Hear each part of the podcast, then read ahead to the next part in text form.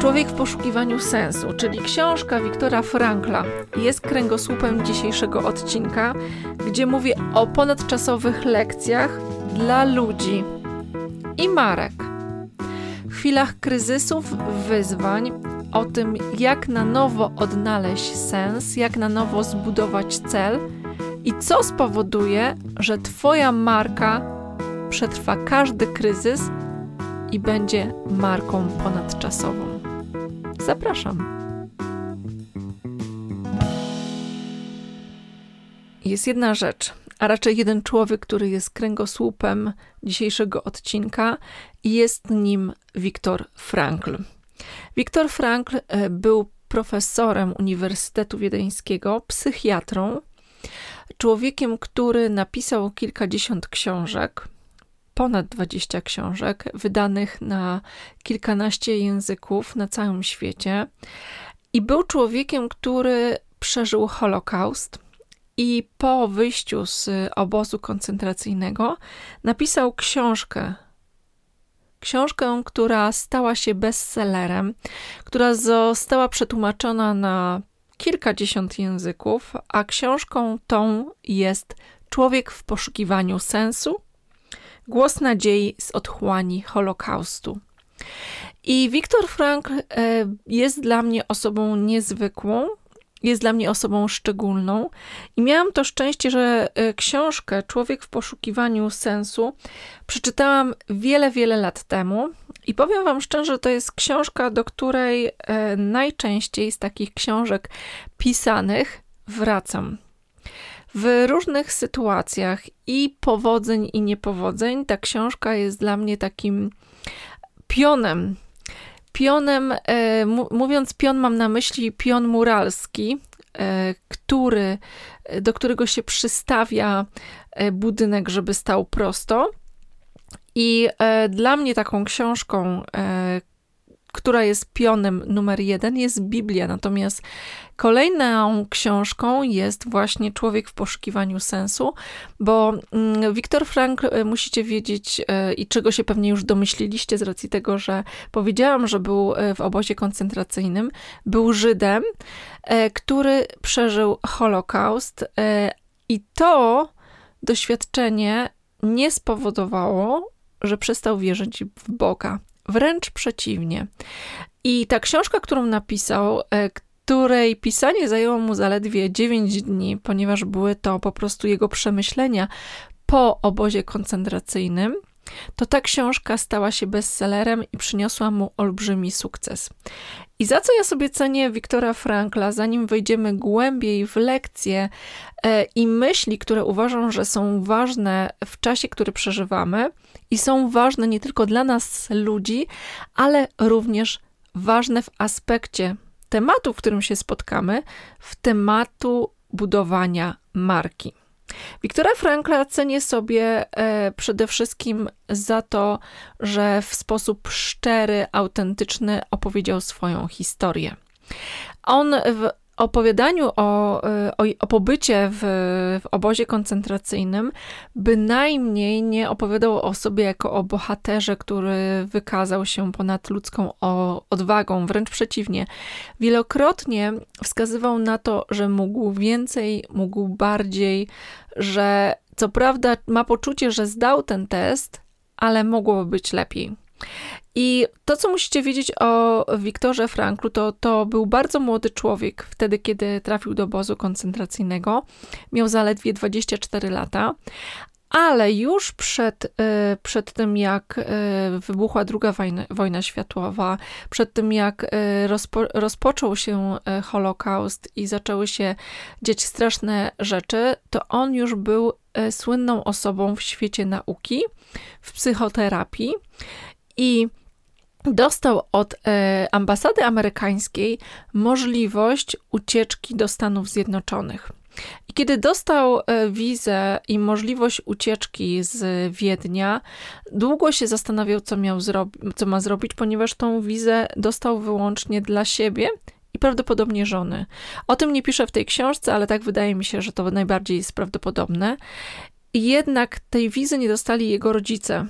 I on stanął przed takim wyzwaniem, że co on ma teraz zrobić? Czy ma uciekać do Stanów Zjednoczonych po to, żeby tam dalej rozwijać swoją e, teorię logoterapii, którą już zaczął tworzyć, czy jednak powinien zostać w Wiedniu i być tutaj.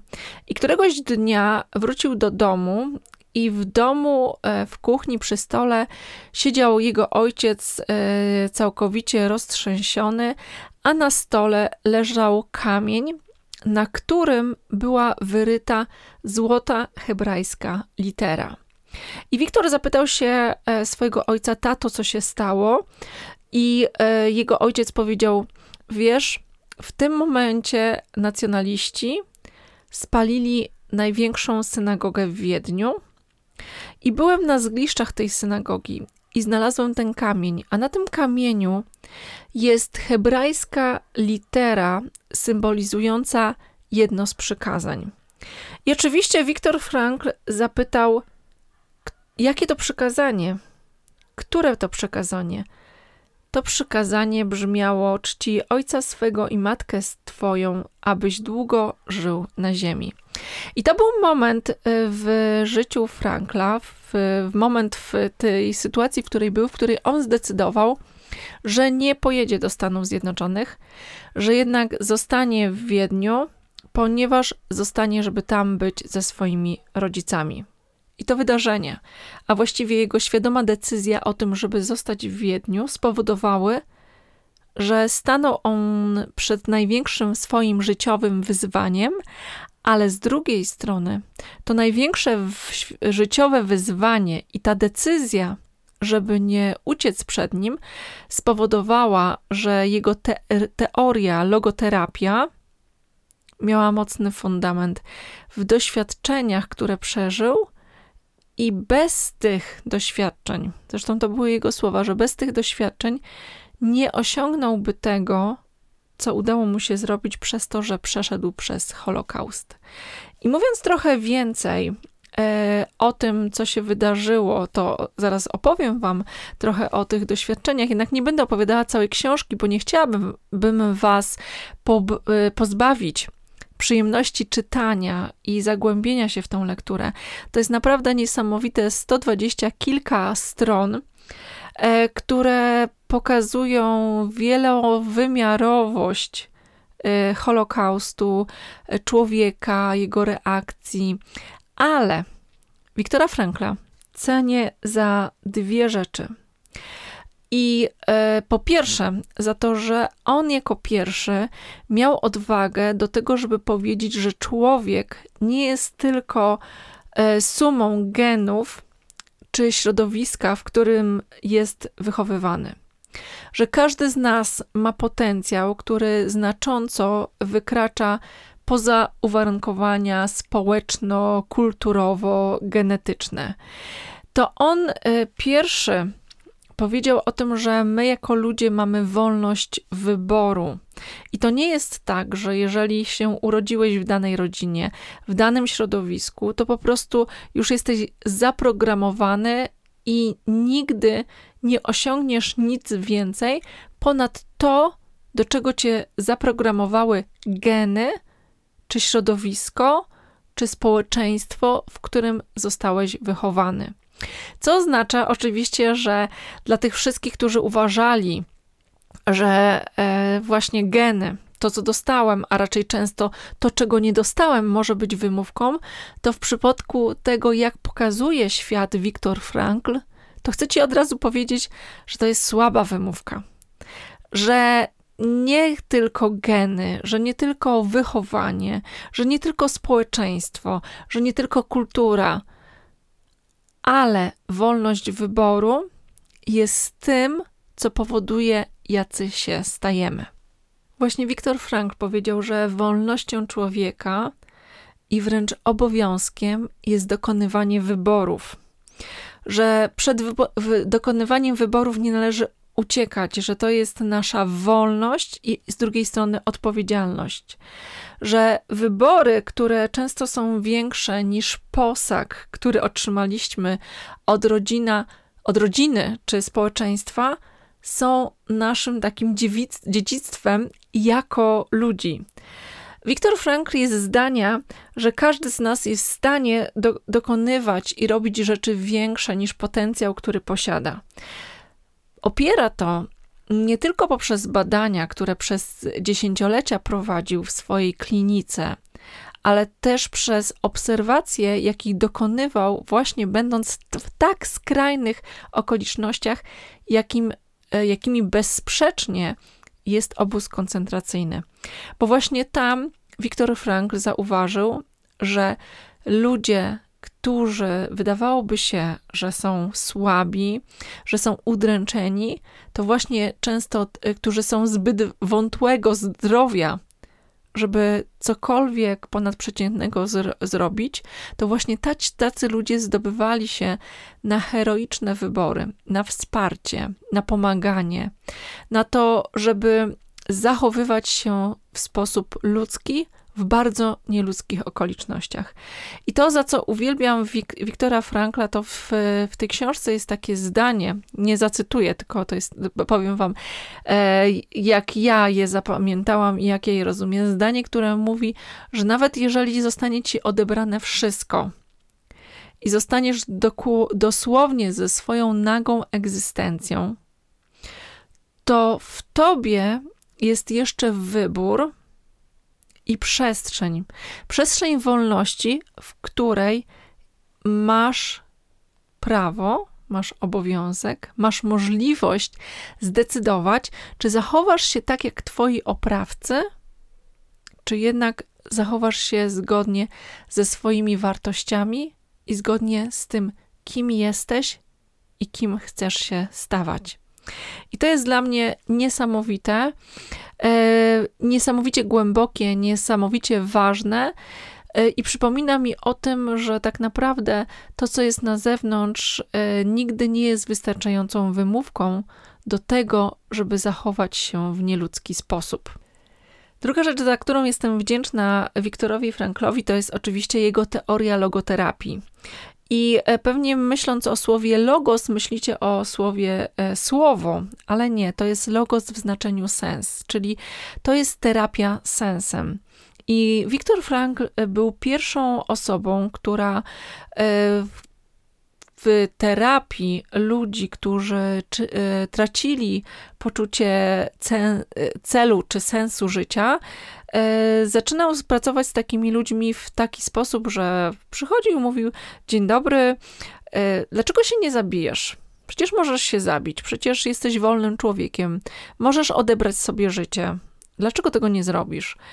I na odpowiedziach danych osób, na tym, co oni uważali za na tyle ważne, żeby się nie zabić, on zaczynał budować sens poczucie sensu, poczucie sprawczości i poczucie celu do tego, żeby żyć w pełni życiem.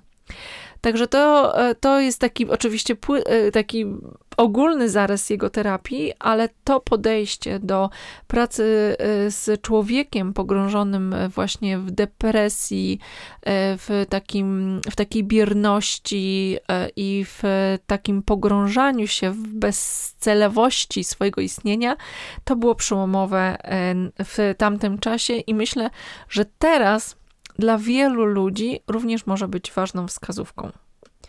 No i teraz chciałabym powiedzieć o kilku ważnych lekcjach, które są dla mnie osobiście istotne e, w kontekście książki Człowiek w poszukiwaniu sensu, ale uważam, że są ważne też w kontekście sytuacji, w której obecnie jesteśmy, sytuacji, która dotyka nas E, bardzo głęboko jako ludzi, ale dotyka, dotyka również biznesu, dotyka naszych działań w aspekcie biznesowym, dotyka tego, w jaki sposób dalej rozwijamy nasze firmy i robimy to, co dla nas jest ważne.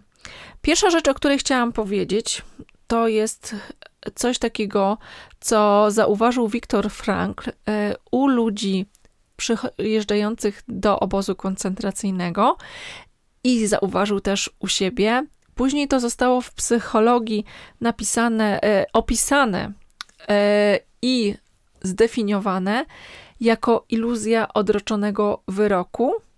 I uważam obecnie, że to jest coś, co dotyczy wielu z nas i może być bardzo, bardzo niebezpieczne. Iluzja odroczonego wyroku, jak się objawiała w y, obozie koncentracyjnym. To była sytuacja, w której, kiedy ludzie trafiali do obozu koncentracyjnego, to iluzja odroczonego wyroku kazała ci myśleć o tym, nie jest tak źle, jak myślę. Przecież zobacz, drzewa są zielone, Zobacz, ci ludzie, którzy nas witali, co prawda są ogoleni, e, ale są rumiani, nie są tacy chudzi, uśmiechają się do nas. I nieważne, że ci ludzie, którzy witali nowo przybyłych, byli specjalnie wybranymi osobami, które wyglądały lepiej, które oczywiście się uśmiechały i były życzliwe tylko po to, żeby odebrać wszystkie kosztowności bez agresji i jakiejś zbędnej szarpania paniny, to w jaki sposób rzeczywistość była postrzegana przez ludzi, którzy trafiali do obozu koncentracyjnego, przecież oni wiedzieli, dokąd przyjechali, wiedzieli, co się dzieje w Auschwitz. Wiedzieli, że to nie jest przypadek. Wiedzieli, że to, to nie jest po prostu miejsce, z którego łatwo się wychodzi. To jednak ich psychika kaza- ich mózg w pewien sposób ich oszukiwał i wchodził właśnie w tą iluzję odroczonego wyroku, po to, żeby nie mierzyć się z tymi myślami, negatywnymi myślami, z tym dyskomfortem trudnej sytuacji, w której ta osoba się znalazła. I mam wrażenie, że e, my teraz e, mamy tak e, mamy takie, taką pokusę, że widzę dużo osób, które myślą, z którymi rozmawiam, które uważają, że no, oby to się tylko skończyło i znowu będzie tak jak kiedyś, oby to się skończyło i e, na pewno wrócimy do normalności. I szczerze mówiąc, e, nie uważam, że wrócimy do normalności. Uważam, że świat, który był przed rozpoczęciem się e, tej ogólnoświatowej pandemii nigdy już nie wróci. I tak, e, ja przepraszam w ogóle, jeżeli kogokolwiek urażę za to porównanie, bynajmniej nie uważam, że jesteśmy w tak tragicznej sytuacji, w jakiej byli ludzie, którzy mm, trafiali do obozu koncentracyjnego. Bynajmniej nie uważam, że te sytuacje w jakikolwiek sposób można porównać. Absolutnie.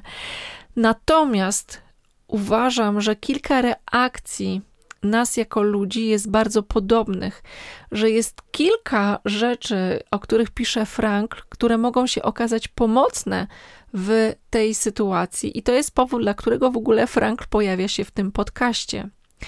I większość z nas, duża większość z nas nie doświadczyła śmierci, nie widziała ludzi leżących, umierających na ulicach, a Frank już to widział przed trafieniem do obozu koncentracyjnego. I ci ludzie, którzy już to przeżywali, w tamtych okolicznościach też wchodzili w tą iluzję.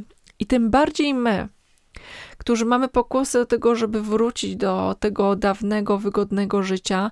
Wygodnego w takim sensie, że nie zawsze pewnie mieliśmy wygodne życie, komfortowe, ale wygodnego, bo znanego. I w nas rodzi się pewna pokusa do tego, żeby myśleć, nie no, za chwilę wróci wszystko do normalności. Znowu będzie tak jak kiedyś. Znowu poślę dzieci do szkoły, znowu wrócę do swojej pracy, do swojego biurka, znowu spotkam się ze swoimi dawnymi klientami. I prawdopodobnie tak nie będzie. I twój mózg świadomie skupia się na pewnych informacjach, które mogą być pożywką do budowania tego niekoniecznie dobrego sposobu myślenia. Dlatego warto mieć świadomość, że coś takiego w ogóle istnieje. I mam nadzieję, że w Twojej głowie rodzi się w tym momencie pytanie: no i co ja w związku z tym powinienem zrobić? Po pierwsze, koncentruj się na faktach i koncentruj się na tym, żeby myśleć w kategoriach scenariuszy na najbardziej optymistyczny scenariusz, średni i pesymistyczny. Bądź gotowy na to, że mogą wydarzyć się różne rzeczy.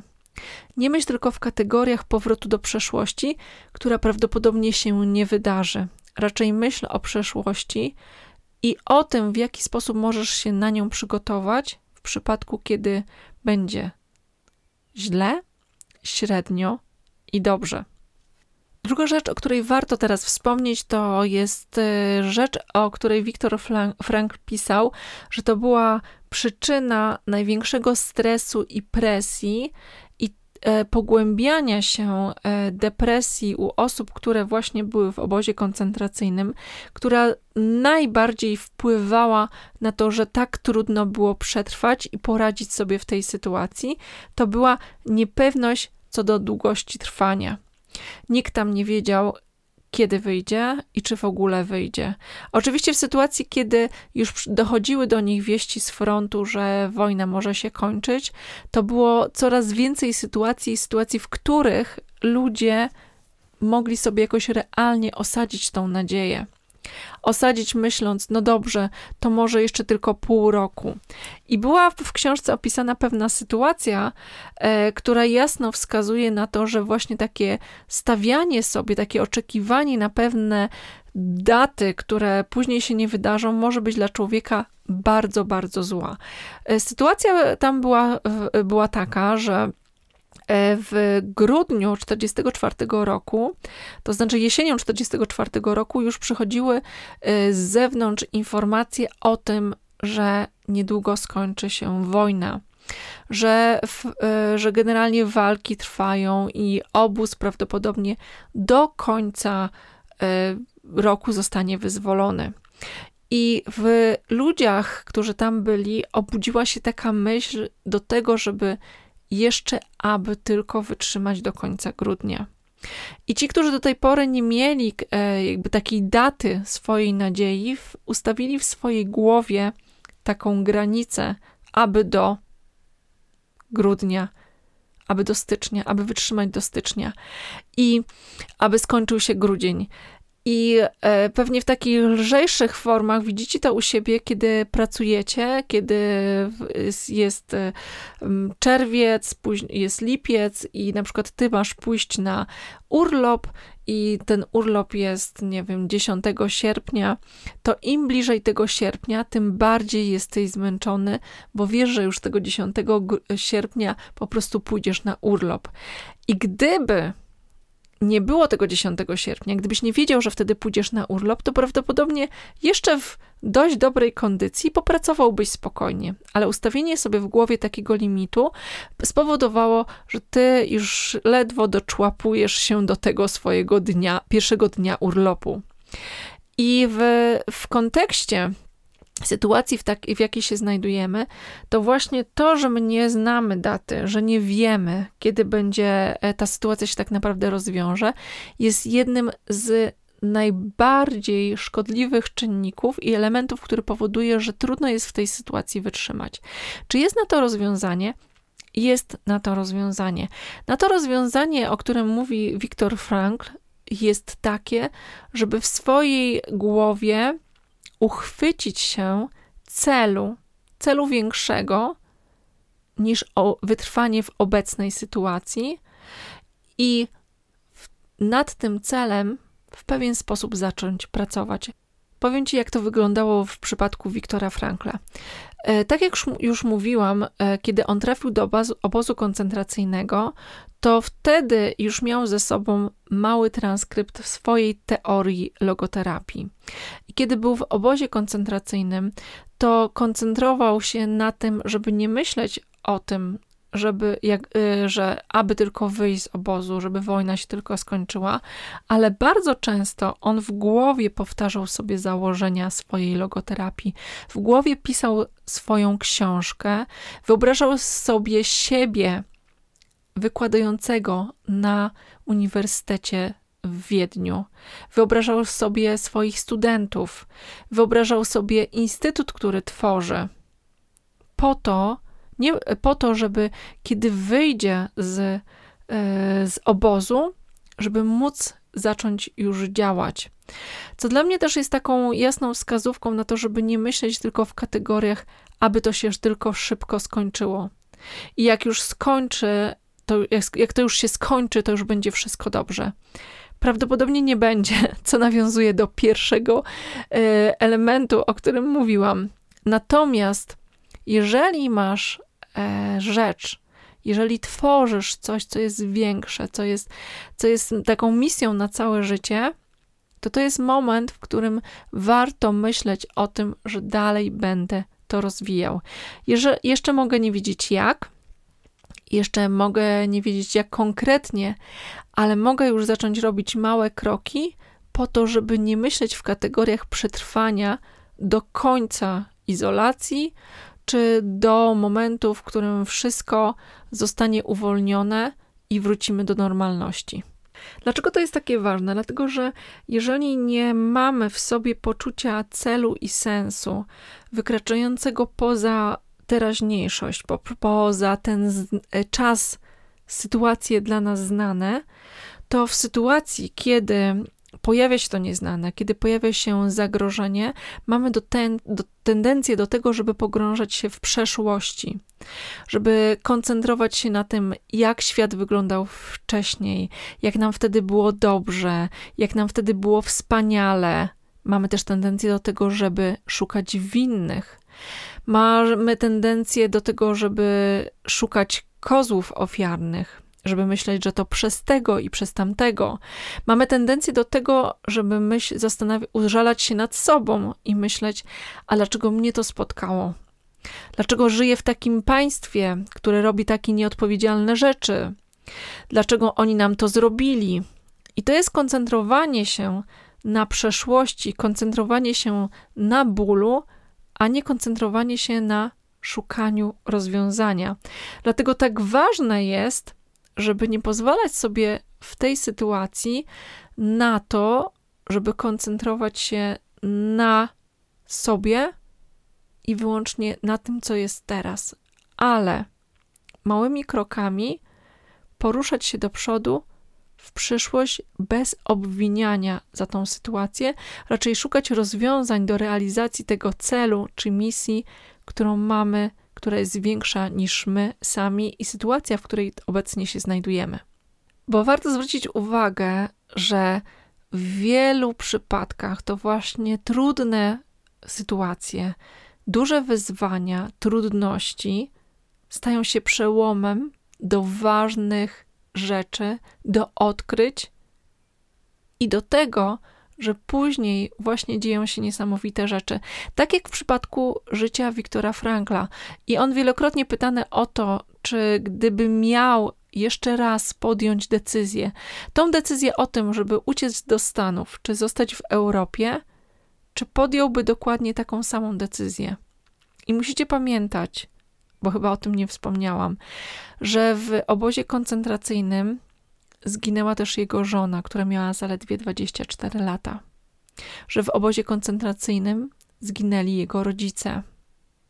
Że właściwie stracił, stracił większość krewnych.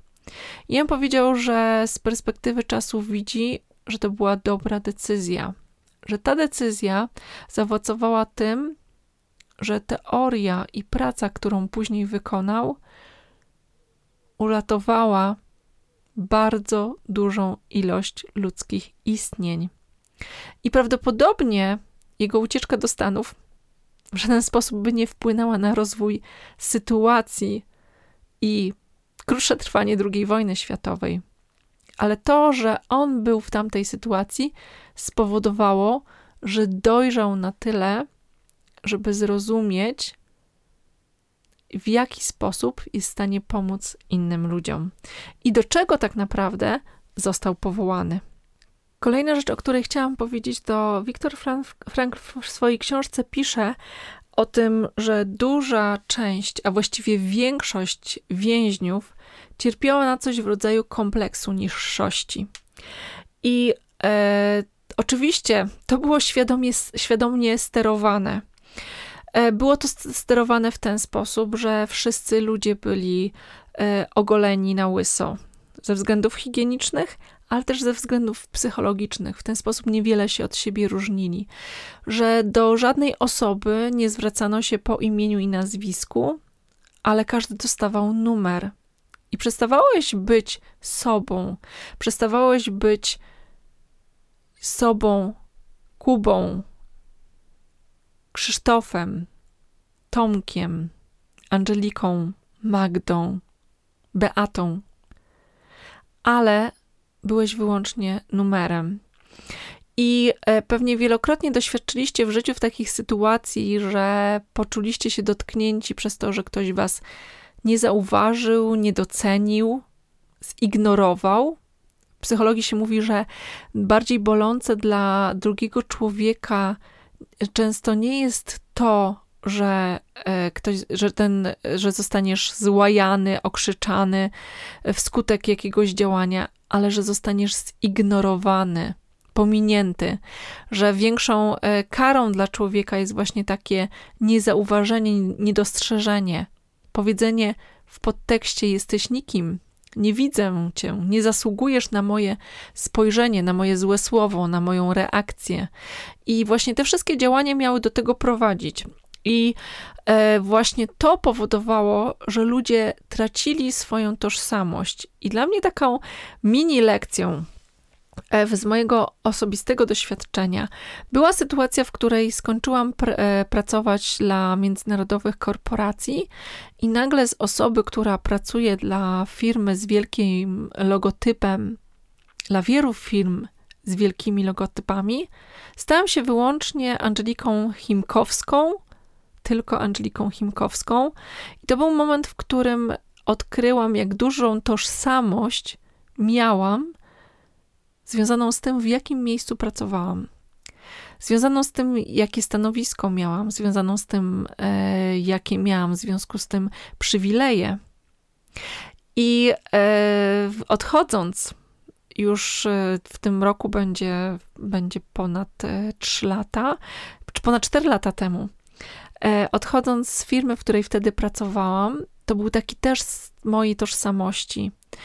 I wiele, wiele miesięcy musiało upłynąć, żebym na nowo zbudowała swoją tożsamość, tożsamość opartą o to, kim jestem, a nie dla kogo pracuję, kto jest moim pracodawcą, kto jest moim klientem i jak duże mam zarobki. I myślę, że w tej sytuacji, w której my się znajdujemy, niestety bardzo często jest tak, że świat, który się zatrzymał, zabrał nam naszą tożsamość, a raczej zabrał nam takie etykietki, e, takie symbole tego, że zasługujemy na to, żeby być nazwanym kimś. Kimś e, ważnym, ponieważ pracuję w ważnej firmie, a teraz straciłem pracę. Kimś ważnym, ponieważ e, 15 razy w roku e, jeżdżę po świecie i co chwilę wrzucam na e, media społecznościowe e, zdjęcia z innego zakątku świata. Kimś ważnym, ponieważ jeżdżę jakimś niesamowitym samochodem. Kimś ważnym, bo spotykam się z ważnymi ludźmi, którzy mają status influencerów, celebrytów lub innych itów i to wszystko zostało zatrzymane, zostaliśmy zamknięci. E, my, tacy jacy jesteśmy, w miejscach, w których jesteśmy, bez możliwości e, zakrycia się e, takimi etykietkami, tabliczkami pod tytułem Jestem ważny, ponieważ mam.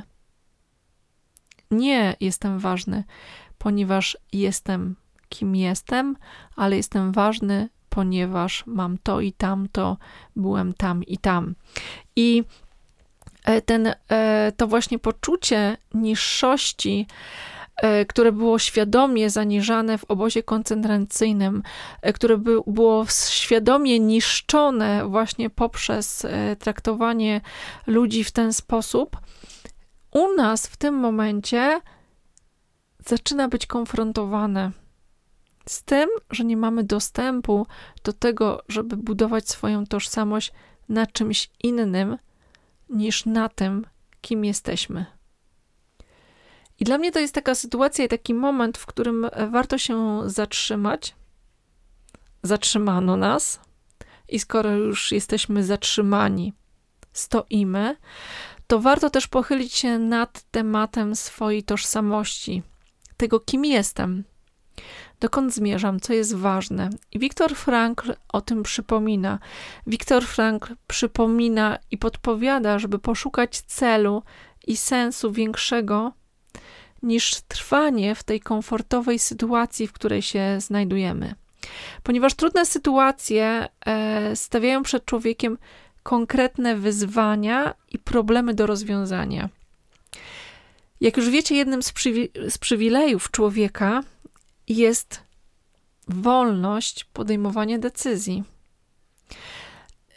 Wiktor Frank mówi więcej, że obowiązkiem człowieka jest wzięcie odpowiedzialności i podejmowanie tych decyzji. Nie pozwalanie na to, żeby to właśnie okoliczności zdecydowały o tym, że ty zatrzymasz się w czynieniu dobrze, że wykorzystasz okoliczności, to gdzie się urodziłeś, gdzie mieszkasz, co masz albo czego nie masz, jako wymówkę do nierobienia ważnych rzeczy.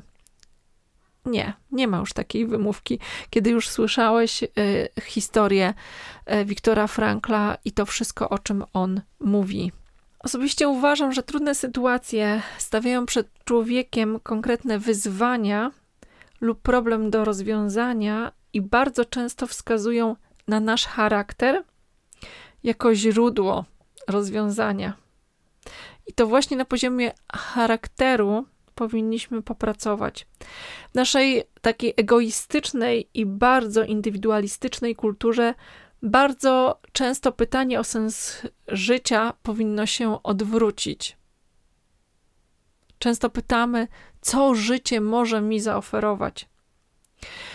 Pytamy, co masz dla mnie, świecie? A życie każdemu z nas stawia pytania, a jedynym sposobem, aby mu odpowiedzieć, jest odpowiedzieć, jest pewna odpowiedzialność za swoje życie być odpowiedzialnym za wybory, których dokonujemy, brać odpowiedzialność, korzystać z wolności, którą mamy i działać, gdzie w centrum tego działania nie jesteśmy my, ale człowiek, drugi człowiek. Gdzie sensem naszego działania jest sprawianie, że świat staje się lepszy, że ja mogę służyć drugiemu człowiekowi, i w tym właśnie Viktor Frankl też widzi spełnienie człowieka. I oczywiście e, pewnie, gdybym tutaj teraz z kimś była, rozmawiając jak przy herbacie czy kawie w jakiejś kawiarni, mam nadzieję zatłoczonej, e, to padłoby pytanie, jak znajdujemy sens dla naszego życia? I wiecie, e, z tej książki można wysnuć trzy takie sposoby, trzy takie lekcje, które w mojej ocenie są ważne i które mogły być takim wstępem do puenty, którą chciałabym poczynić.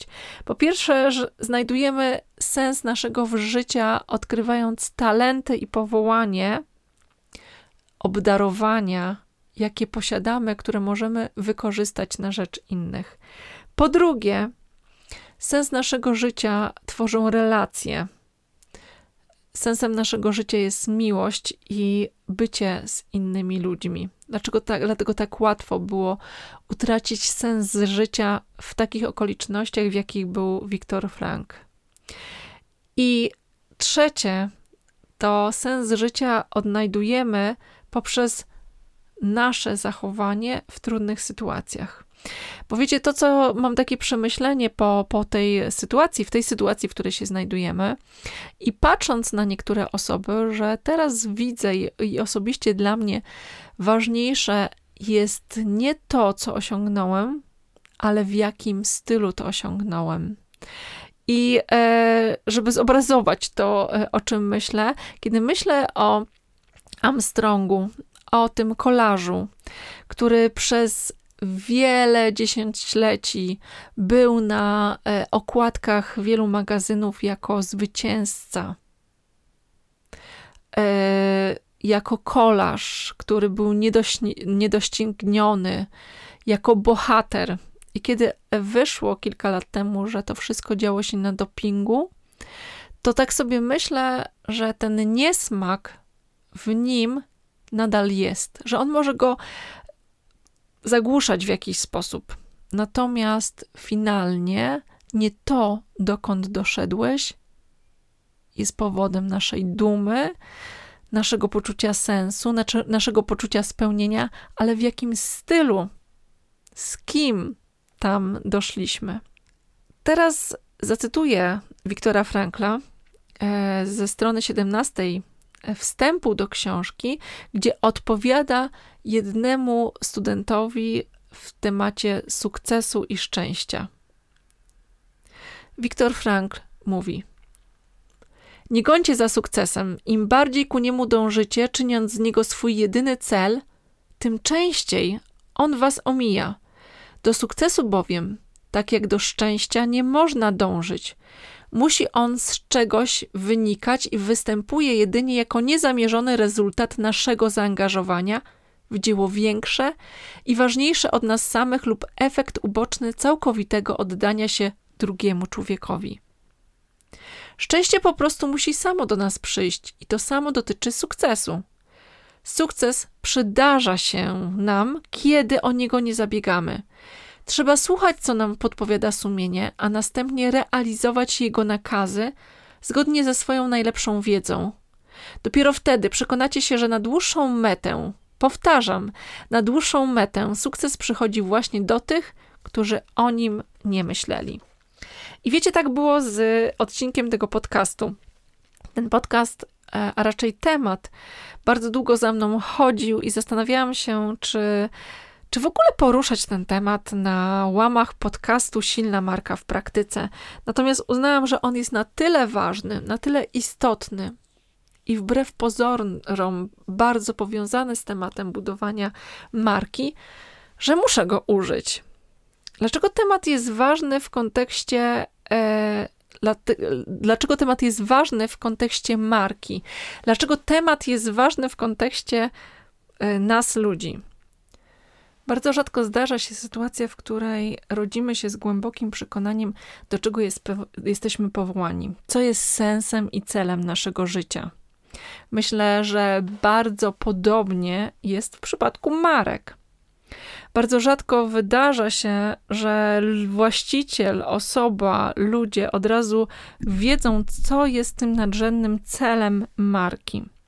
To jest raczej coś, co jest odkrywane, coś, co jest budowane i dzieje się to w relacji z grupą docelową. W sytuacji, w której rzeczywiście chcemy tym ludziom służyć. I tak jak Viktor Frank mówił o tym, że możemy odkryć i że jednym ze sposobów na odkrycie sensu i celu życia jest służenie innym, tak uważam, że nadrzędnym celem marki jest bycie, jest istnienie, jest służenie, jest pomaganie, jest wspieranie naszej grupy docelowej.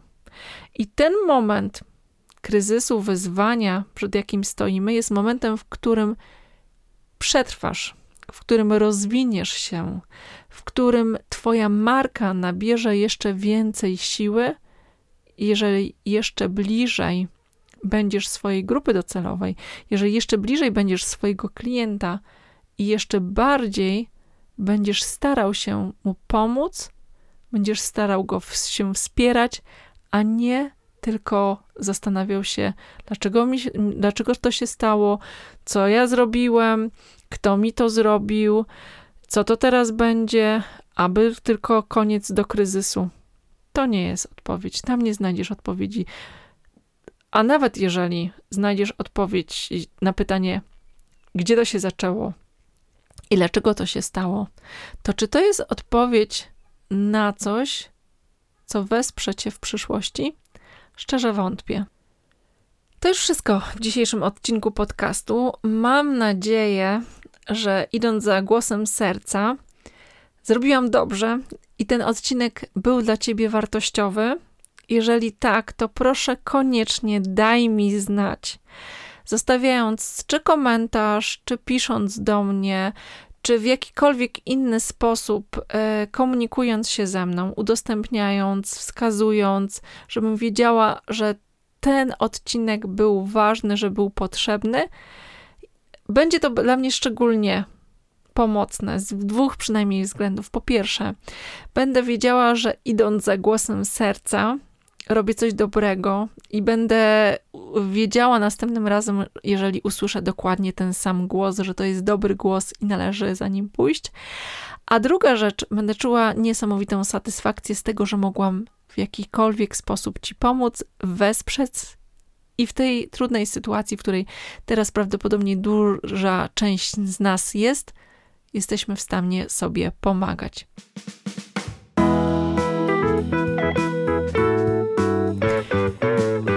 usłyszenia w kolejnym odcinku podcastu, już z typowo narzędziowymi i marketingowymi tematami.